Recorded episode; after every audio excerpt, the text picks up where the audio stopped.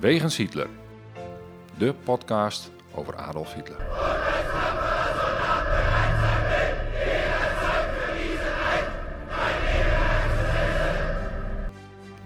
Dictator, alleenheerser van 1933 tot 1945. Een man met miljoenen doden op zijn geweten. Das war ein Befehl! Der Angriff Steiners war ein Befehl! Een man waar ongelooflijk veel verhalen over te vertellen zijn. Ook al die jaren na zijn dood.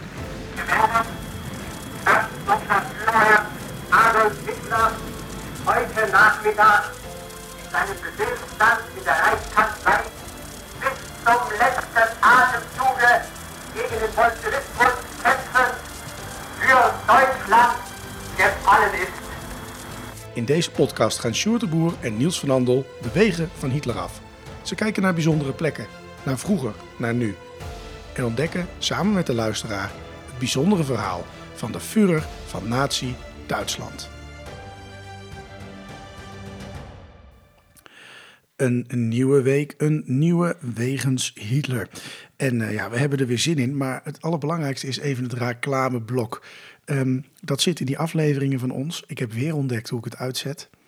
Eh, daar zitten namelijk mensen echt eh, over insure. Dat er midden in ons gewoon een podcast eh, of ineens een reclameblok zit van een Nissan of een een of andere auto. Ja, ja, ja, ik snap het wel. Ja, ik snap het ook. Ik Al- vond het al- zelf ook vooral irritant. als, als het op een onhandig moment is. Als het nou voor, Ja. dat hebben we ook al gezegd, hè, voor, Ja, voor een Maar nieuw ik, ik- onderdeel is. Ik, ik, ben erachter gekomen dat ik dat dus per aflevering handmatig moet uitzetten. Dus dat, dat doe ik nu trouw. Eh, dat doet me er ook aan denken. Aflevering over Sudetenland. Die hebben we er wel vier keer op moeten zetten voordat het goed was. Ik snap niet waar het misging. Maar Heel raar. ehm, mocht je nu luisteren en denken... ik eh, heb de halve aflevering gemist... je kunt het laatste stuk nu ook gewoon beluisteren. ja, en bedankt eh, aan de mensen die daarvoor waarschuwen. Want hey, hallo, komt meteen een berichtje binnen. Zeker, ja. ja. Ik luister altijd ook wel de aflevering de dag daarna terug. Ik luister hem eigenlijk in de montage in stukken terug. Eh, en ik had het dus ook, want in, ineens begon er een heel andere podcast. En toen dacht ik, oh, dat, dat zit niet goed. Nee. Maar ja, als ik op een bouw zit, dan eh, houdt het gewoon op. Dan kan ik ook niet meteen eh, handelen. Ehm, maar goed, dat is allemaal opgelost. Is nog meer goed nieuws, Sjoerd. Jouw boeken verkopen ineens als een trein, hè? Nog nooit zo Ja, verkocht. ja, ik kreeg wat, eh, wat mensen die inderdaad wat eh, verschillende boekjes wilden hebben. Dus dat is eh, heel erg leuk. Dus, en, nou ja, ik heb nog een stapeltje liggen. Kijk, nou, Het gaat wel snel. Dus als je zegt van, hé, hey, ik, ik, ik wil ze nog met een handtekening hebben van Sjoerd. Dan is dit wel het moment. Ja, dan Ja. moet je even aangeven. Dan stuur ik weer een mailtje. En dan zeg ik van wat ik in de aanbieding heb. En dan komen we er wel uit wat jij wil. En dan stuur ik wat op. Ja, nou hartstikke leuk. Eh, en tot slot eh, ook weer veel nieuwe vrienden erbij gekregen in de afgelopen weken. Eh, mocht je nog geen vriend van de show zijn, dat was trouwens ook wel leuk. Een luisteraar die bij aflevering 2 of 3 was begonnen. die sturen dan een mailtje. hey, de geluidskwaliteit, daar kun je nog wat aan doen. Misschien is dat later al beter. Ehm, ehm, en en eh, nou, eh, weet ik het, je kunt denken aan dit en dit en dit om de podcast beter te maken. En dan stuur ik altijd eh, reclame terug van, nou bedankt. Klopt dat we, we investeren ook in nieuwe apparatuur. En je kunt daarbij helpen hè, door vriend van de show te worden. Dus mocht je luisteren en denken, nou dat vind ik leuk, wordt dat dan vooral. Ehm, nou, na al deze ongegeneerde reclame gaan we gewoon snel naar het eerste onderdeel van onze podcast. En dat is zoals altijd Hitlers dagboek.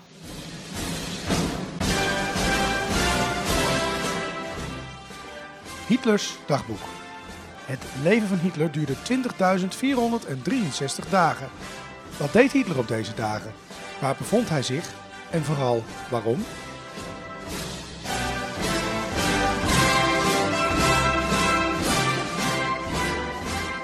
Ja, deze podcast komt online op 16 oktober 2023 en wij gaan terug naar 16 oktober 1914 naar Lager Legveld. Als ik het goed zeg. Ja, dat zeg jij keurig op zijn Duits, Ja, eh, Niels. Dat prachtig. Is mooi.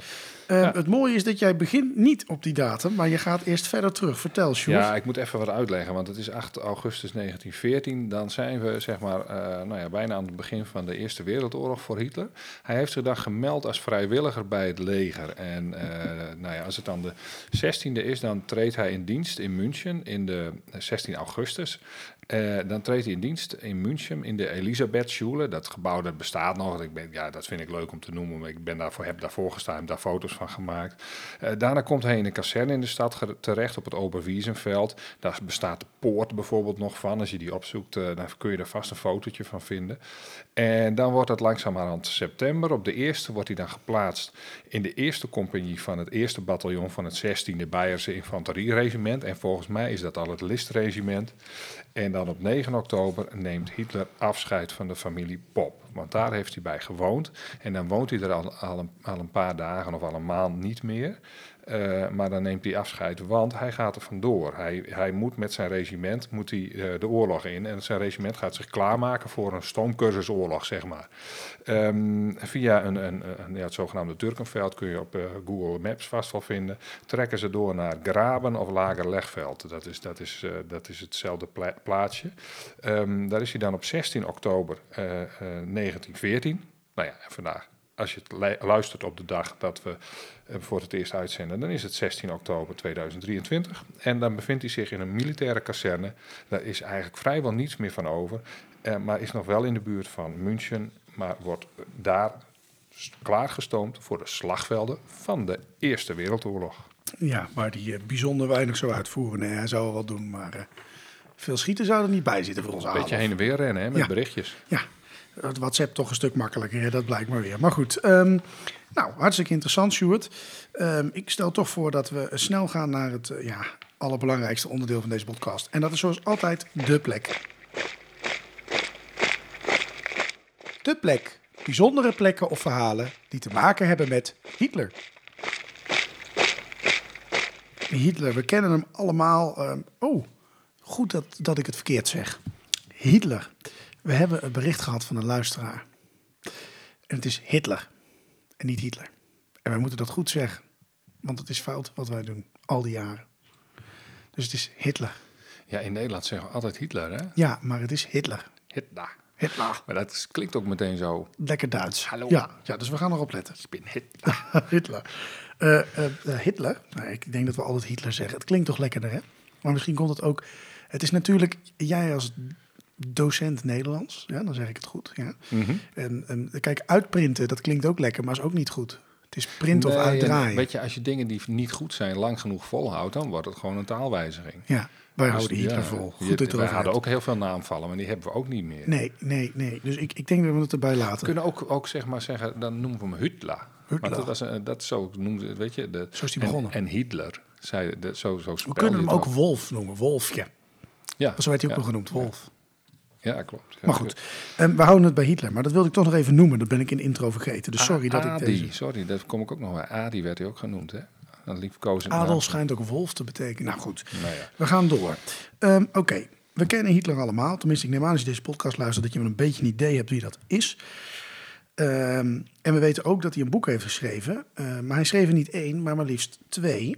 Ehm, en ik heb het dan niet over deel 2 van mijn kamp... eh, eh, of over zijn eh, vervalste dagboeken... maar echt over een tweede boek. Het had nog geen titel, want meer dan een manuscript is het eigenlijk nooit geworden. Ehm, ja, en dan, dan denk ik toch, ja, wat stond daar dan in? En waarom werd het later dan nooit meer gepubliceerd? Nou, de plek die gaat daarom dit keer over Zuid-Tirol en over Alexandria, Virginia eh, in eh, de Verenigde Staten. En eh, de laatste plek is de vindplek van het manuscript van Hitlers tweede boek. Dus eh, nou, hartstikke interessant. Ehm, ja, Sjoerd, voordat we eh, daarop ingaan, ben ik dan toch even benieuwd. Hè? Ehm, wanneer vond men eh, dat manuscript? En ehm, ja, ook wel belangrijk, wanneer heeft hij dat dan geschreven? Ja, ja dat- is, dat, dat, dat manuscript dat is ergens in 1958 gevo- teruggevonden. Ontdekt door een meneer eh, Gerhard, eh, of, of eh, ja, ik weet niet, Wijnberg. Eh, eh, en zoals jij zei, in, in Alexandria, Virginia in de Verenigde Staten.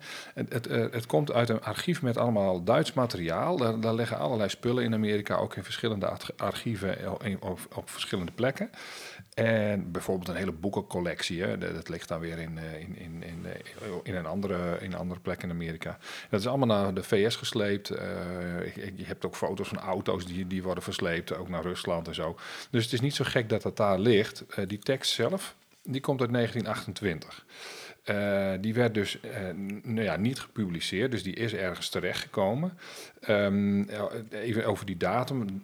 Dit is, uh, in 1928 is best wel snel, want deel 2 van mijn kamp dat kwam in, die kwam in 1927 uit. Dus dan zit 1928 met dat volgende boek. Mm nou ja, dan is hij dus al bezig met een nieuw, nieuw boek. Dat is dan nog niet gepubliceerd natuurlijk, maar dat zit er wel dik op. Uh, dicht op, sorry. Uh, er kwam een uh, van, dat, van het tweede boek, is toen na 1958, nadat het gevonden is, is een Duitse versie verschenen met een inleiding van die Wijnberg. En nou ja, die, die, die kwam dan in 1961 uit, die werd vrij snel uitverkocht. En, en ik, heb nu een uh, Engelstalige editie en die is uit 2003. Uh, eh, dat is echt een serieuze Engelstalige versie, want er was al eerder eentje gemaakt, eigenlijk vlak na die Duitse uh, editie. En die, ja, die was vertaald door een of andere boekenpiraten en heel snel uitgegeven. Was ook, volgens die Wijnberg was het een waardeloze uitgave, waarbij de vertaling niet helemaal lekker liep en zo. Maar ja, toen werd dat boek al in het Engels ook verkocht. En toen hebben ze dat plan laten varen om dat alsnog te doen. En toen later in 2003 kwam dus die goede Engelstalige versie uit die ik dus heb. Ja, um, nou, uh, Hitler had al twee boeken geschreven. Hè? Dat, dat, uh, ik ben op nog op nul. Jij zit ook al op een aantal, hè? dus jij bent al Hitler voorbij. Maar uh, qua boeken schrijven dan. Ehm, dan denk ik toch een beetje, ja, had Hitler nou zoveel ideeën dat hij na twee boeken vol schrijven toch alweer een nieuw boek nodig had? Ja, dat, is, dat, dat vind ik een, dat is eigenlijk, ja, we kunnen eigenlijk meteen nee zeggen. Maar uh, uh, ja, blijkbaar, hè, kijk, hij begint dan op een gegeven moment in een voorwoord en dan noemt hij mijn kant deel 2. En begint dan direct over Zuid-Tirol. En som, zoals sommige mensen weten, uh, dat is ook iets wat hij trouwens in, in mijn kamp deel 2 ook wel genoemd heeft, geloof ik. Um, Sommigen uh, sommige weten, die, die weten wel dat, dat, dat um, nou, Zuid-Tirol ligt nu in Italië en lag vroeger in Oostenrijk. En dat Duitse gebied dat was in Italiaanse handen gevallen na de Eerste Wereldoorlog. Nou, uh, dat is een kwestie die eigenlijk wel heel erg belangrijk is in het tweede boek. Uh, een heleboel andere kwesties komen ook ter sprake, maar Zuid-Tirol is dus de interessantste, die moet je in de gaten houden. Hij vond het in ieder geval belangrijk om in het voorwoord nou ja, bijna zielig te melden uh, uh, dat het nationaal-socialisten vaak alleen stonden. Dat vind ik echt mooi. Zo als een soort reming stonden ja. ze. Daar zielig. Um, ze zijn ja, groot en ik ben klein. Ook als het ging om buitenlands beleid, zoals bijvoorbeeld bij uh, uh, Zuid-Tirol. Hitler die zegt dan, de nationaal-socialistische bewe socialistische beweging vecht tegen een machtige coalitie en zij probeert de Tirolse kwestie de spil van buitenlands beleid te maken. Oké, okay, dat wilde Hitler dus niet. Nee. Nou ja, en daar zal hij vast een reden voor hebben die hij gaat uitleggen. Maar het is wel gek. Want Duits gebied hoort natuurlijk bij Duitsland. Dat idee kennen we van, van, van, van Hitler. Hè. Die wil alle Duitse gebieden, wil die heim in zijn rijk hebben. Die wil hij terug hebben bij Duitsland. En dat geldt dus niet bij dit gebied in Italië. Um, nou ja, waarom was dit niet een belangrijk uitgangspunt van de nazi's dan? Ja, nou, um, um, daar gaan we het denk ik jouw kennende zo ongetwijfeld over hebben. Hè? Want uh, Zullen we dat doen? Anders ja. zul je het wel in je haar gaan snijden. Um, maar laten we dan toch maar even eerst even terug gaan naar het boek en de inhoud van dat boek langslopen. Want daar ben ik nou toch wel eens even benieuwd naar. Uh, en naar de vraag of alles uh, keurig netjes was doorgerekend door het Duitse CPB.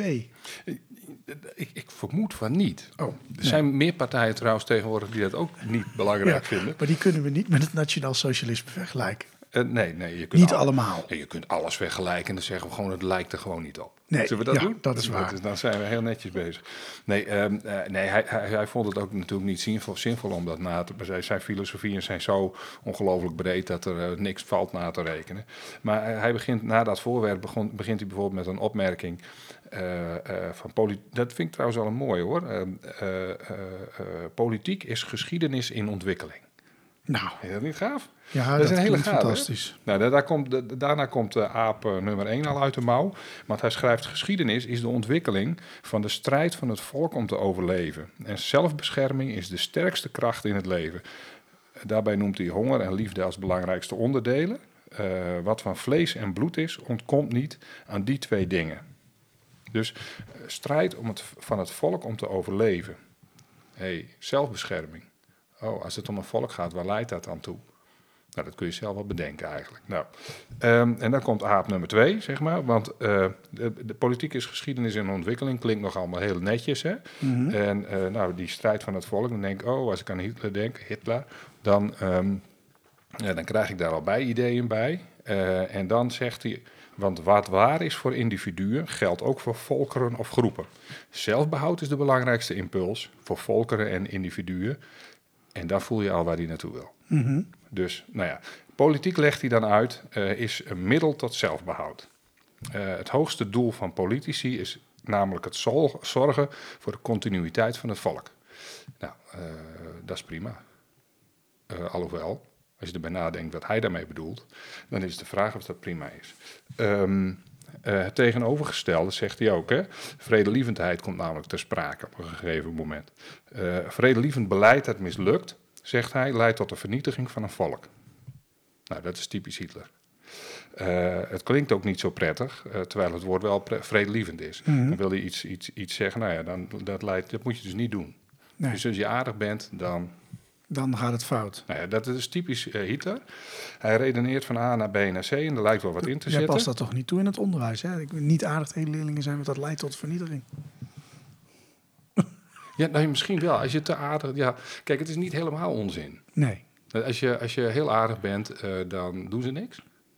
Dan leidt het in ieder geval tot de vernietiging van het aanleren van een bepaald vak. Ja. Dat, dat leer je dan niet. Want je bent Maar alleen zou maar dat lekker... dan ook voor landen gelden? Dat als je te aardig bent, dat het dan helemaal fout kan gaan? Ja, als jij nooit, eh, als je als Nederland bijvoorbeeld zegt van ik ben neutraal.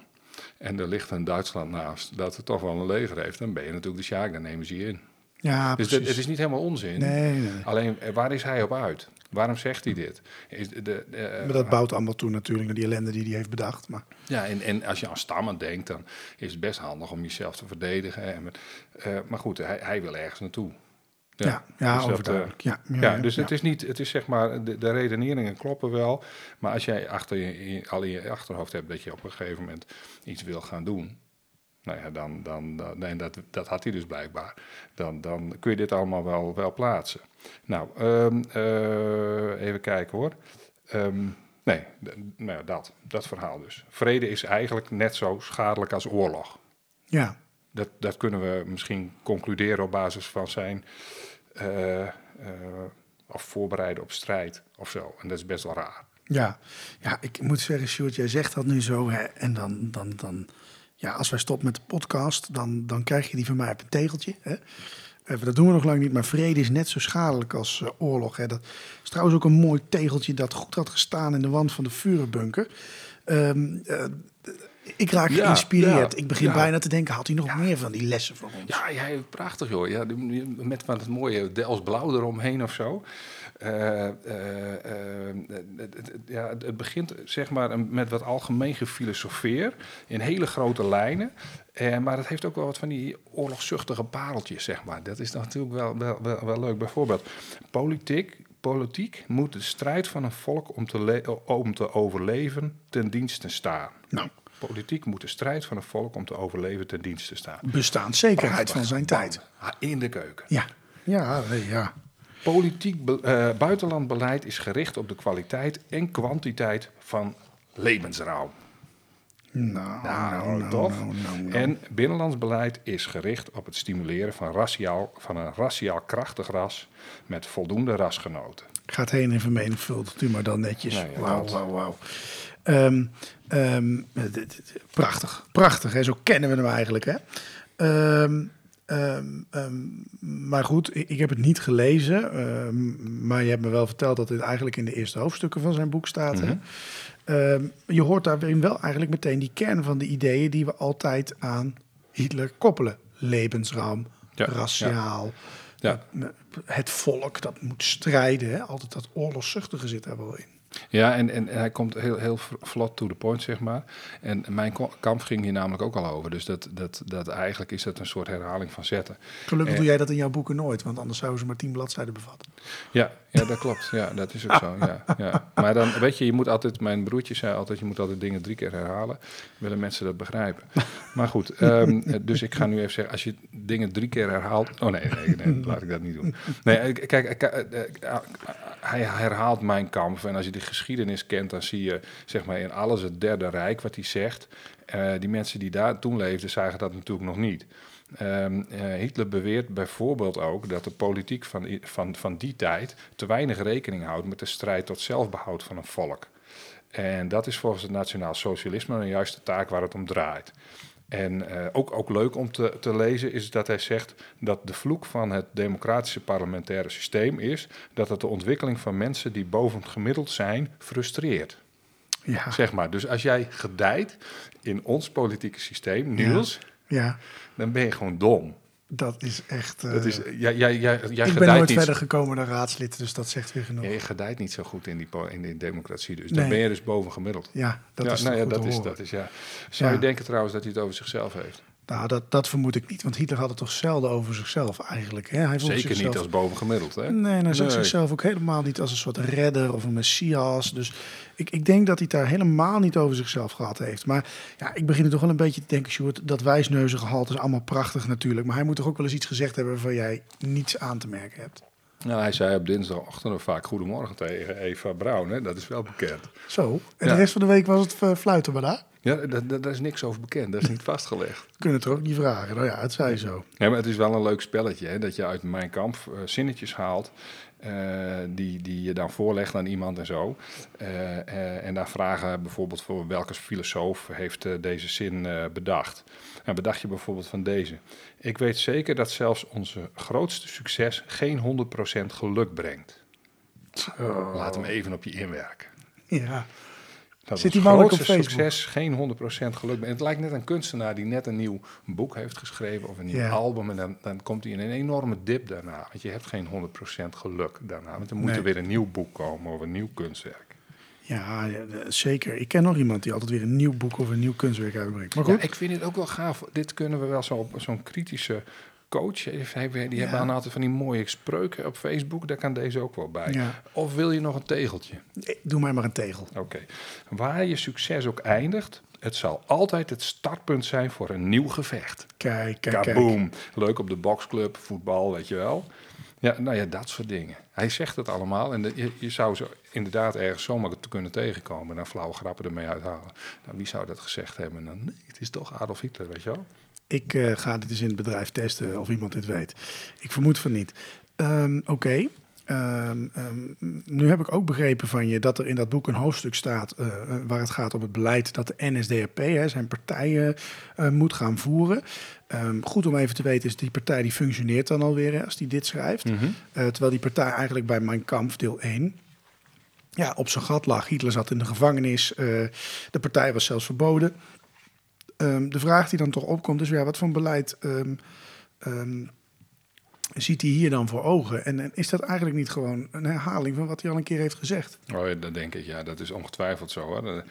Uh, hier begint dan ik ben, met de uitspraak: ik ben een Duitse nationalist. En dat betekent dat ik duidelijk verbonden ben met mijn volk. Al mijn gedachten en acties, ik ben hem nu echt aan het citeren, hebben daarmee te maken. Ik ben een socialist. Ik zie daarbij geen klasse of rang, maar eerder een gemeenschap van mensen die verbonden zijn door hun bloed, verenigd door hun taal en onderworpen aan hetzelfde collectieve lot. Nou, dat soort dingen zegt hij dan. Hij, hij gaat ook in de aanval uh, op de democratie. Ik hou van mijn volk, zegt hij, en ik haat de vertegenwoordige meerderheden, omdat ik niet zie hoe zij de grootheid uh, en het geluk van mijn volk representeert.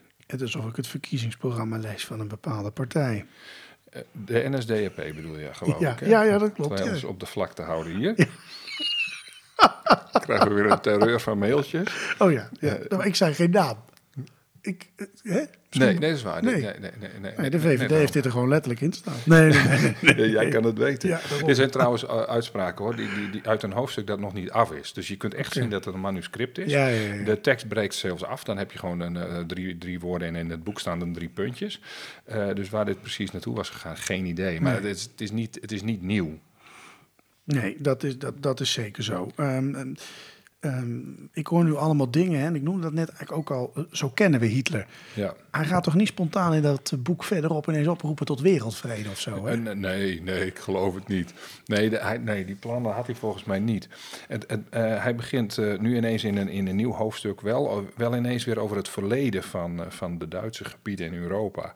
En dat gaat dan over het altijd al druk bevolkte Duitsland.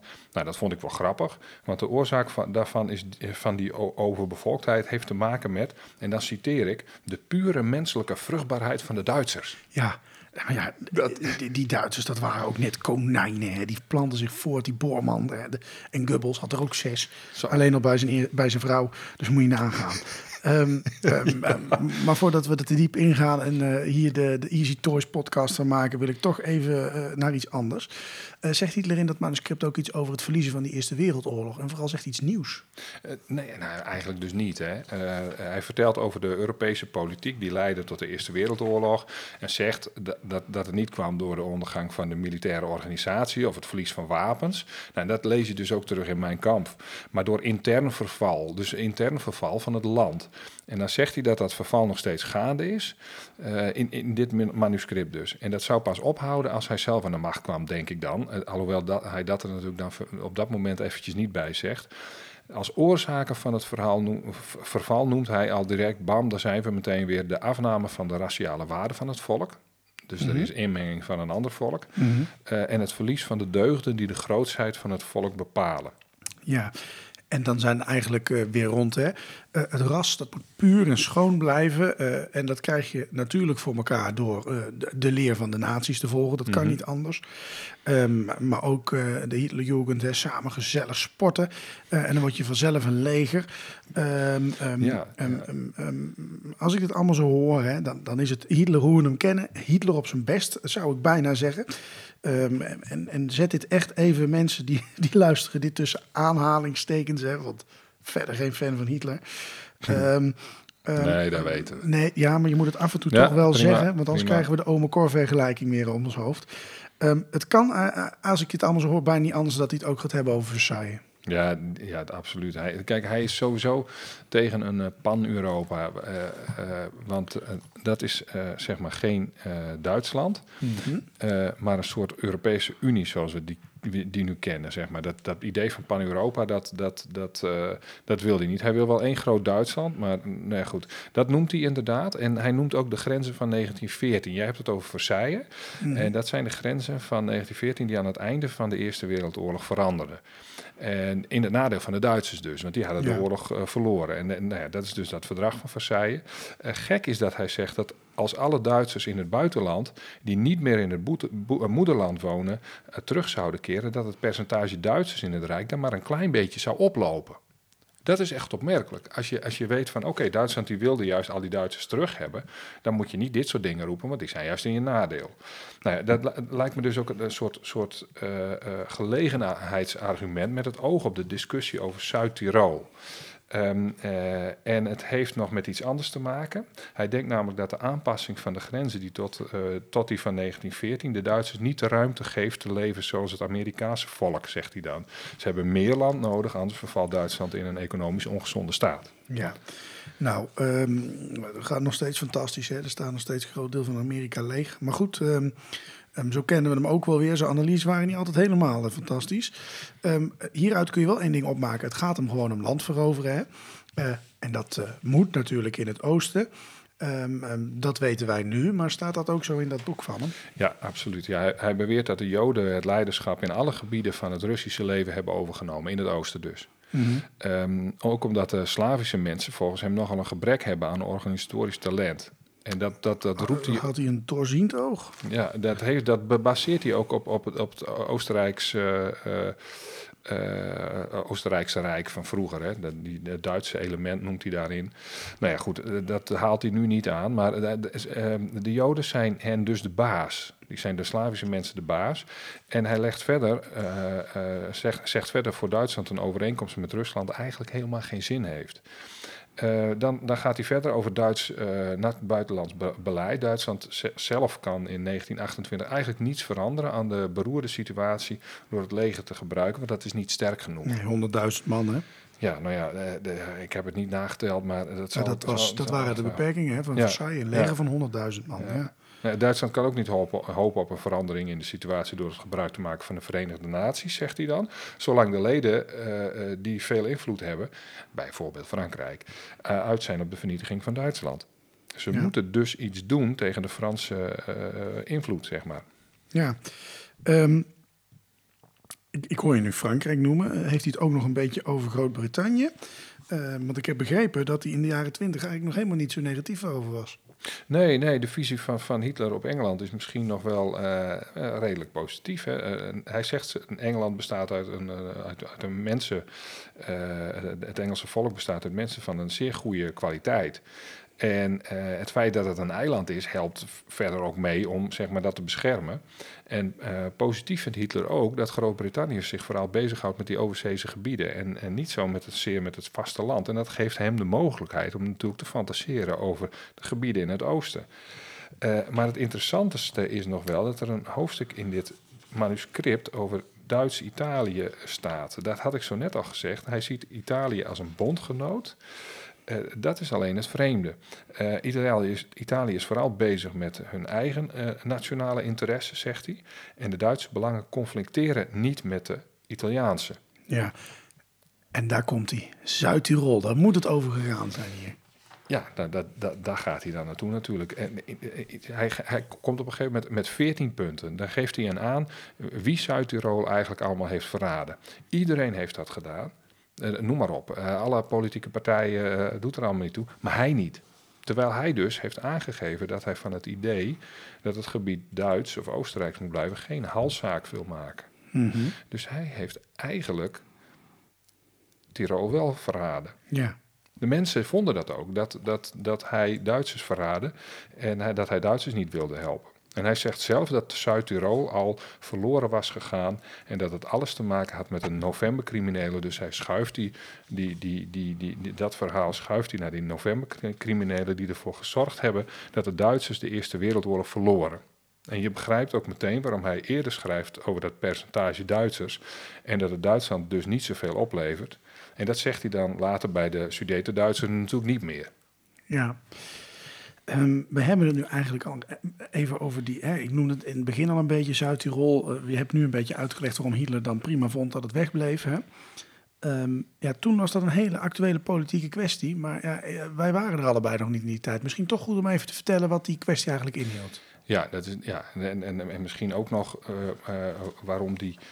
Uh, ja, daar moeten we ook nog even over hebben wat, wat, wat, er nou echt achter zit. Want daar zit ook nog wel wat. Maar goed, komen we ook nog wel op. Mm -hmm. eerst, eerst wat er nou speelde. Nou, het gebied werd tegen de zin van de bevolking uh, van het verliezende Oostenrijk naar het winnende Italië overgeheveld. En dat duurt dan een, een, een uh, zeg maar lang. En, en de, de, laatste sporen van on, onvrede met het oude-Italiaanse centralisme, zeg maar de wens om het echt Italiaans te maken, zijn bomaanslagen in de jaren 60 van de vorige eeuw. Dus dat duurt echt nog wel, dat blijft dat verhaal. En het begint dus in de tijd van Hitler. Toen, toen begon het wel te, te wringen toen Italië als uitkomst van de Eerste Wereldoorlog gebieden in handen kreeg waar de autochtone eh, bevolking eigenlijk eh, niet of amper Italiaans sprak. Uh, en dat gebied was dus die oorlogsbuit van 1919. Nou, onder het fascisme werd Zuid-Tirol twee decennia lang geconfronteerd met een politiek van gedwongen Italianisering. En dat is natuurlijk wel, dat gaat wel ver. Dus ook in de jaren 20. En men deed zelfs pogingen om tot een complete assimilatie van Zuid-Tirolers door een verbod op de Duitse taal. Uh, zelfs als het ging om familienamen en namen op graven. Nou, dat paste dus uh, eigenlijk helemaal niet bij de, Hitlers ideeën over alle Duitsers in het Duitse Rijk. Dus als er critici op hem wa waren, op hem, dan, dan hadden die wel gelijk. Ja, dus kunnen we dan ook zeggen dat Hitler Zuid-Tirol echt had verraden? Nou, dat, dat, zegt men dus in de pers. Uh, in de pers verschenen daar in, in, eind jaren twintig dus berichten over. En Hitler zou de Zuid-Tirolers hebben bedrogen door ze los te laten. En dat zou dan te maken hebben met uh, zijn band met Mussolini. Want die had hem financieel gesteund. En toen kwamen er ineens allemaal plakaten in die periode met teksten als Adolf Hitler ontmaskerd.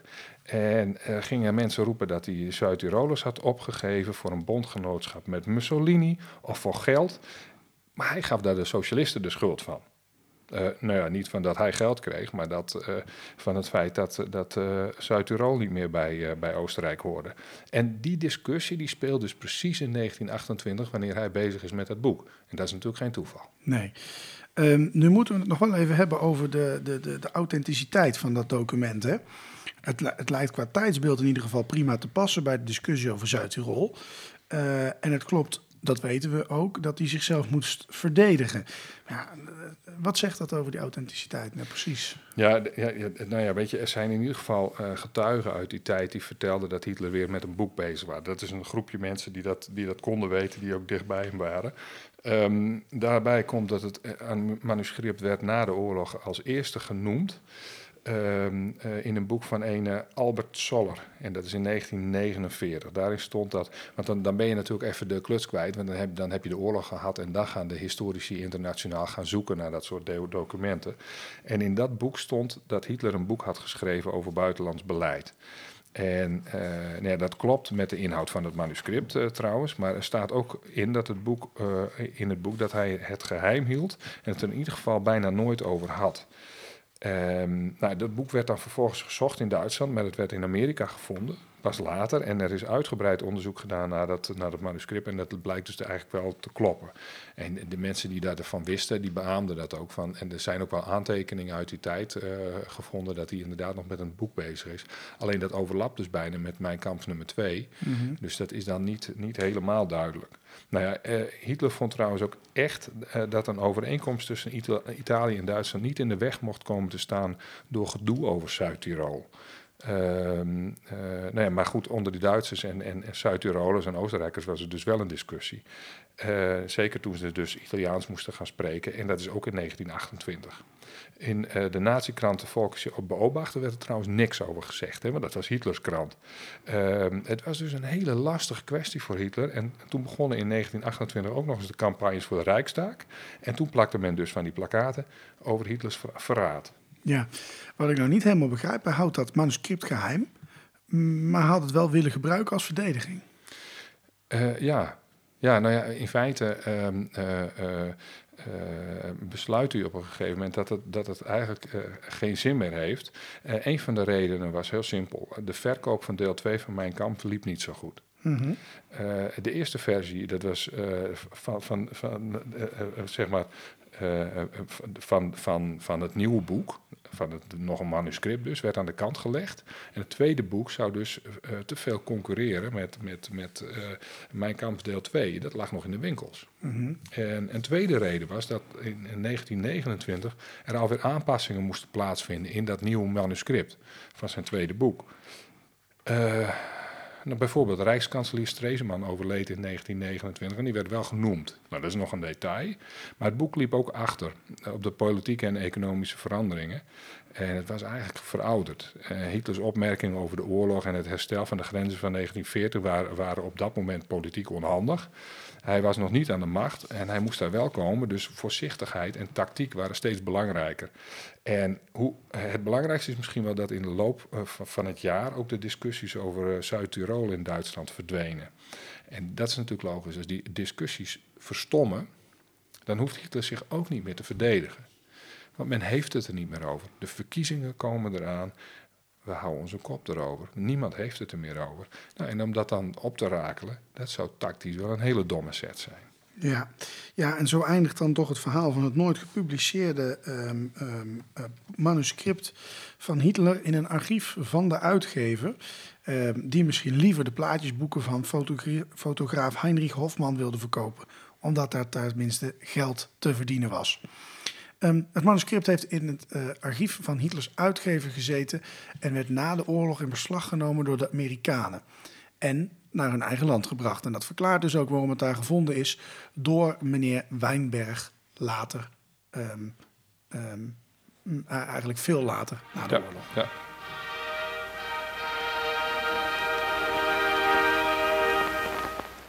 Het Nazi-journaal. Bijna dagelijks is er nog wel iets te vinden over Hitler. Hij is in het nieuws, er is een stuk in de krant, een tweet, een interview of een nieuw boek.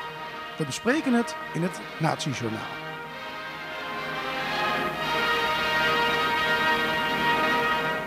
Ja, in het kader van oud nieuws, en we gaan het niet over jou hebben, Sjoerd, geen zorgen. Ehm, ehm, ehm, een mogelijke nieuwe rubriek eh, in het Nazi-journaal gaan we het in ieder geval even hebben over een nieuwtje uit 2009.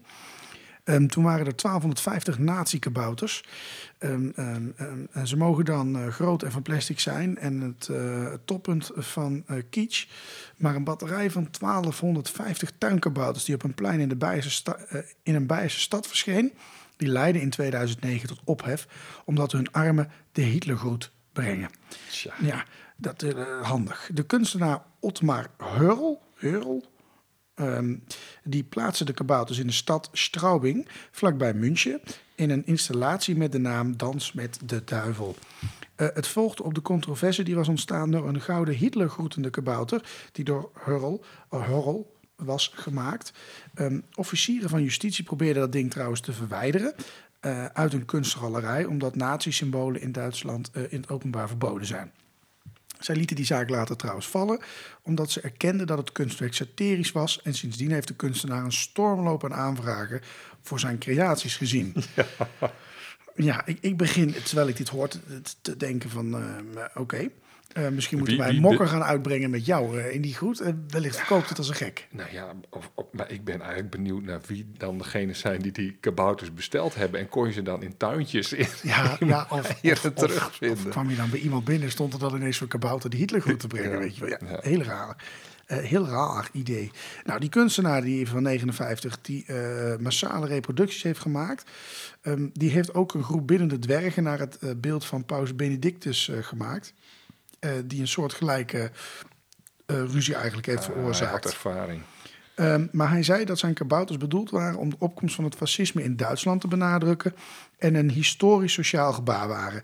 Ik, Hij zegt daarover het volgende: Ik wil laten zien dat er extreemrechtse gedachten in de hoofden van ons allemaal zitten. Eraan toegevoegd dat kabouters een bijzonder geschikte methode waren om zijn boodschap over te brengen. Op een luchtige manier, terwijl ze tegelijkertijd sterk genoeg zijn om een reactie uit te lokken. En zolang ik erin slaag te polariseren, ben ik op de goede weg, zo voegde hij eraan toe. Nou, als je de pers mee haalt, dan is dat wel geslaagd. Ja, precies. Ja, nou het is een manier om aandacht te krijgen. We kennen politici, maar we gaan weer geen vergelijking doen. Ja, iemand die, helemaal geen aandacht wilde hebben eh, eh, voor een bepaald punt. Dat kwam natuurlijk deze week, kwam dat, eh Ja, kwam twee weken terug Twee weken terug is het. Ja, het is, rond 4 oktober stond het, dit het bericht in de Telegraaf. Van de NSD, Benno. ja, de NSDAP-kaart van Prins Bernhard. We kunnen er niet omheen. Hè. Die lidmaatschapskaart van Prin- Prins Bernhard is gevonden. Nou, dat kan je niet zijn ontgaan als luisteraar. Eh, historicus Flip Maschalker-Weert geeft dat aan in zijn boek De Achterblijvers. De kaart lag in het privéarchief van de prins. Nou, eh, Prins Bernhard had dat tot eh, aan zijn dood ontkend... dat hij lid was van de nazi-partij in Duitsland. Hij zei, ik kan met de hand op de Bijbel verklaren... ik was nooit een nazi. Hij had het beter op de hand van, op de, met de hand op mijn kamp kunnen verklaren... want hij was het namelijk wel. Ik heb nooit een partijlidmaatschap betaald. Ik heb nooit een lidmaatschapskaart gehad. Ja. Ehm, ehm, leuk is dat we hier van een luisteraar ook een mail over gehad. Heb ik hem eigenlijk helemaal niet gevraagd of ik het mocht delen. Dus ik noem geen naam. Dan, dan ben ik veilig. Ehm, die heeft ons dit artikel ook gemaild. En die zegt het volgende. Ik heb zojuist een link gedeeld over een van die oranje lafaards. En daarbij vallen die Lockheed steekpenningen in het niet. Uh, maar het werpt een compleet ander licht op de reden voor hun laffe vlucht in 1940 en de besluiten die werden genomen in de winter van 44-45, waardoor de Nederlandse bevolking werd uitgehongerd. Ik voel een mooie ongecensureerde podcast opkomen. Nou, we hebben het besproken, beste luisteraar. Ik heb hier trouwens nog heel vriendelijk op gereageerd, want het is een trouwe luisteraar van ons. Um, ja, hij is even, wel hard. Hij is wel heel hard. Hij is wel heel hard. Ja. Laat ik even zeggen, ik ben behoorlijk fan van het Huis van Oranje. Nou, ik, uh, ik niet. nee, jij niet, dat Nee. weet ik. Jij, Nee. jij verklaarde Ik vond de, reactie van uh, Willem-Alexander op dit soort dingen vind ik trouwens wel redelijk sterk. Hij, hij, hij- om, hij- dat, is, dat is niet altijd gebruikelijk in het Koningshuis, maar hij... Nou, had het weg kunnen hij, stoppen. Hij lult er niet omheen en zegt zo is het. En, uh, en iedereen wist het. Jawel, jawel. En, en als Maar- hij die, die rol is hebt daar in dat land, wat- dan ben je lid van de Ja. NSDAP. Dat is helder. Eh, als je zo'n kaartje hebt, dan ben je lid. Wat, wat leuk, wel of leuk. Wat eigenlijk wat slimmer zijn zijn uitspraak. Ik was nooit een nazi. Kijk, ehm, je kunt misschien wel volhouden in die tijd... als je een baantje wilde hebben, moest je bij die club hebben. We horen. Mhm, Het was niet mhm. dat die verliep en Biestenveld... en nou nog zo goed in de slappe Nee, was nee. zaten. Dus je kunt het ook uit opportunisme gedaan hebben. Ja, maar het, was, Eh, het lidmaatschap van de NSDAP was bij eh, het eh denatificatieprocessen en de, en de, en de toestanden Mhm. daarna, de sproegkamer en zo daarna, was het wel een van de redenen die, die- waarom je bijvoorbeeld in een, een categorie overtreden terecht zou komen. En de, de zwaarste categorie, daar, was, dan, dan kon je nog een gevangenisstraf krijgen, een heleboel geld inleveren, was, was ook een optie. Nou, ja, en dat zijpelt dan zo langzaam maar weg. Als je alleen maar een mietlaufer was, dan ben je meeloper. Nou, dan, dan, dan kwam je niet zo ver. Nee, Maar, precies. eh, Maar was goed, hij nu het op is- basis basis van zijn lidmaatschap. Uh, hij ja, heeft ik natuurlijk denk ook toch als goede hij dingen echt- gedaan in de oorlog. Als die een echt, ja goed, ook beperkt hè, maar ehm, als die echt een eh natie was met hele foute ideeën, denk ik dat we dat ook wel hadden geweten nu. Daar, daar is niks over bekend, zeg maar. We weten niet dat hij Nee. Joden mee heeft afgeranseld of dat soort dingen. Eh, En hij is natuurlijk, ehm, eh, hij stopte met lid zijn vlak voor, geloof ik, de verloving bekend werd van hem en de kroonprinses toen Juliana. Ehm, ehm, maar wel een interessante zaak, maar we wisten het eigenlijk al. Hij heeft ook wel goede dingen gedaan in de oorlog, dat gaan we ook niet ontkennen. Nou, we hebben in ieder geval alle geluiden laten horen, ja, zo, toch? ook, ja, wel ook opgeblazen. Waar ik nog even op in wil gaan, want dat vind ik dan wel interessant, wat ook die luisteraar mailt. Hè. Eh, de vlucht van de Oranjes komt daardoor in ander licht. Daar ben ik dan toch wel benieuwd naar, want als Benno zo'n fan was van die naast, was hij toch lekker gebleven. Had hij er geen last van gehad. Nee.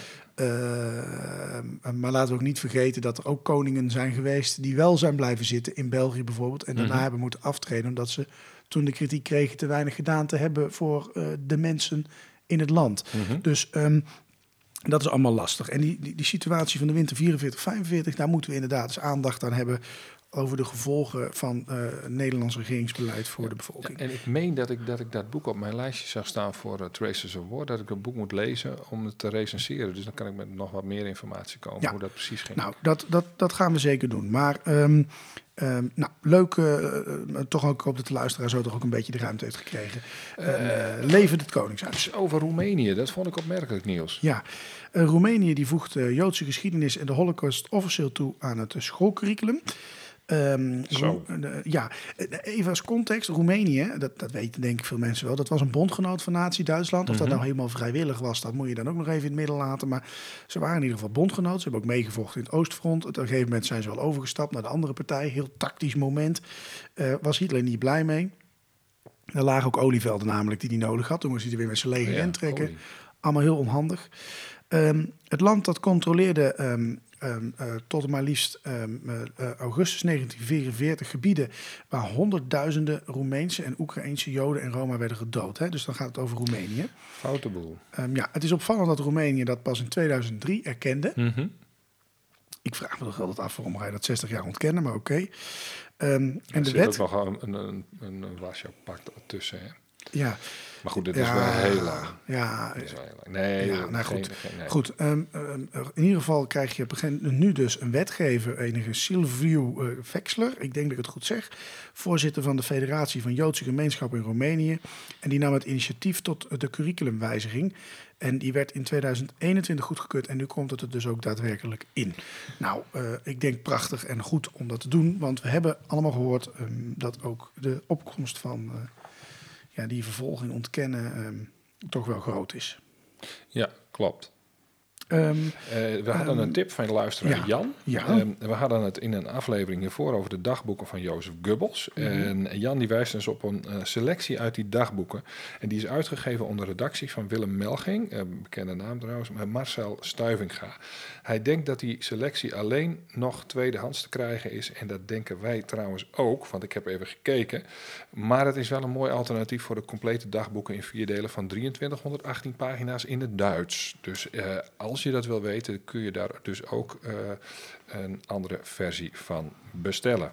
Ja, en dan nog een update van een tip van de luisteraar Angela over het achterhuis van Venlo.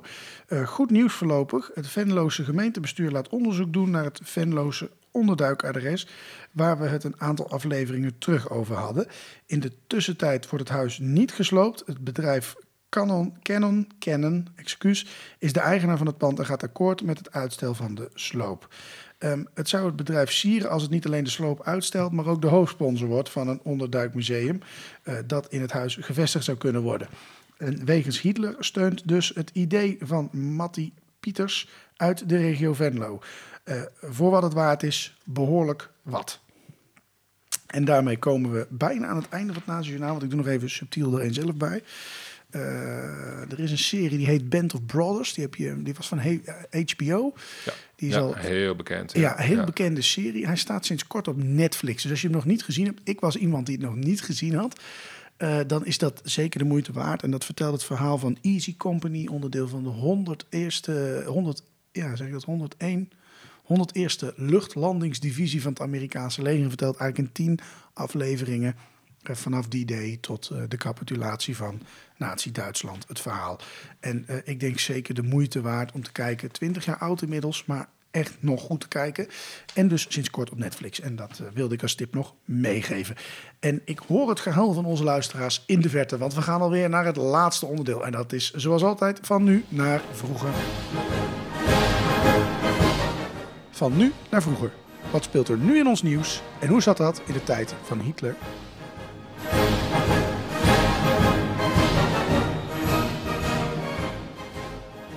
Ja, Ja, ja, ja, ja. Ik zag iets moois, Niels. nou vertel. Ik zag iets moois. Ik, ik- ja, echt serieus. Een, een, een filmpje van een prothese met eh, botten. En de- waarbij zeg maar, de botten en de zenuwen verbonden waren aan die prothese. Je ziet dan een, een kunstarm met de hand en die pakt dan muntjes op van, van een tafel en dergelijke. Nou, dat komt nogal nauw en dit, dat werd dus aangestuurd door eh, de zenuwen en de, nou ja, van, van, en de hersenen van de persoon die die, die, die, die hand eh, en die kunstarm op heeft, zeg maar, op de, eh, Mhm, op de arm die er niet meer is, zeg maar. En dat is een fantastische mogelijkheid natuurlijk. Ja, Alleen- maar. Ja. Ja, eh, eh, hier zit je natuurlijk een beetje in, in de foute hoek. Mhm. Dus eh, ik moest direct denken aan een prothese van, van, van, van een man die aan het einde kwam, eh, of die aan het einde van de oorlog eh, het hoofd was van de Hitlerjugend, Arthur Axman. Die had namelijk een prothese. Nou, hey, dan vind ik die, die mooie fonds van die prothese laten we helemaal op zich.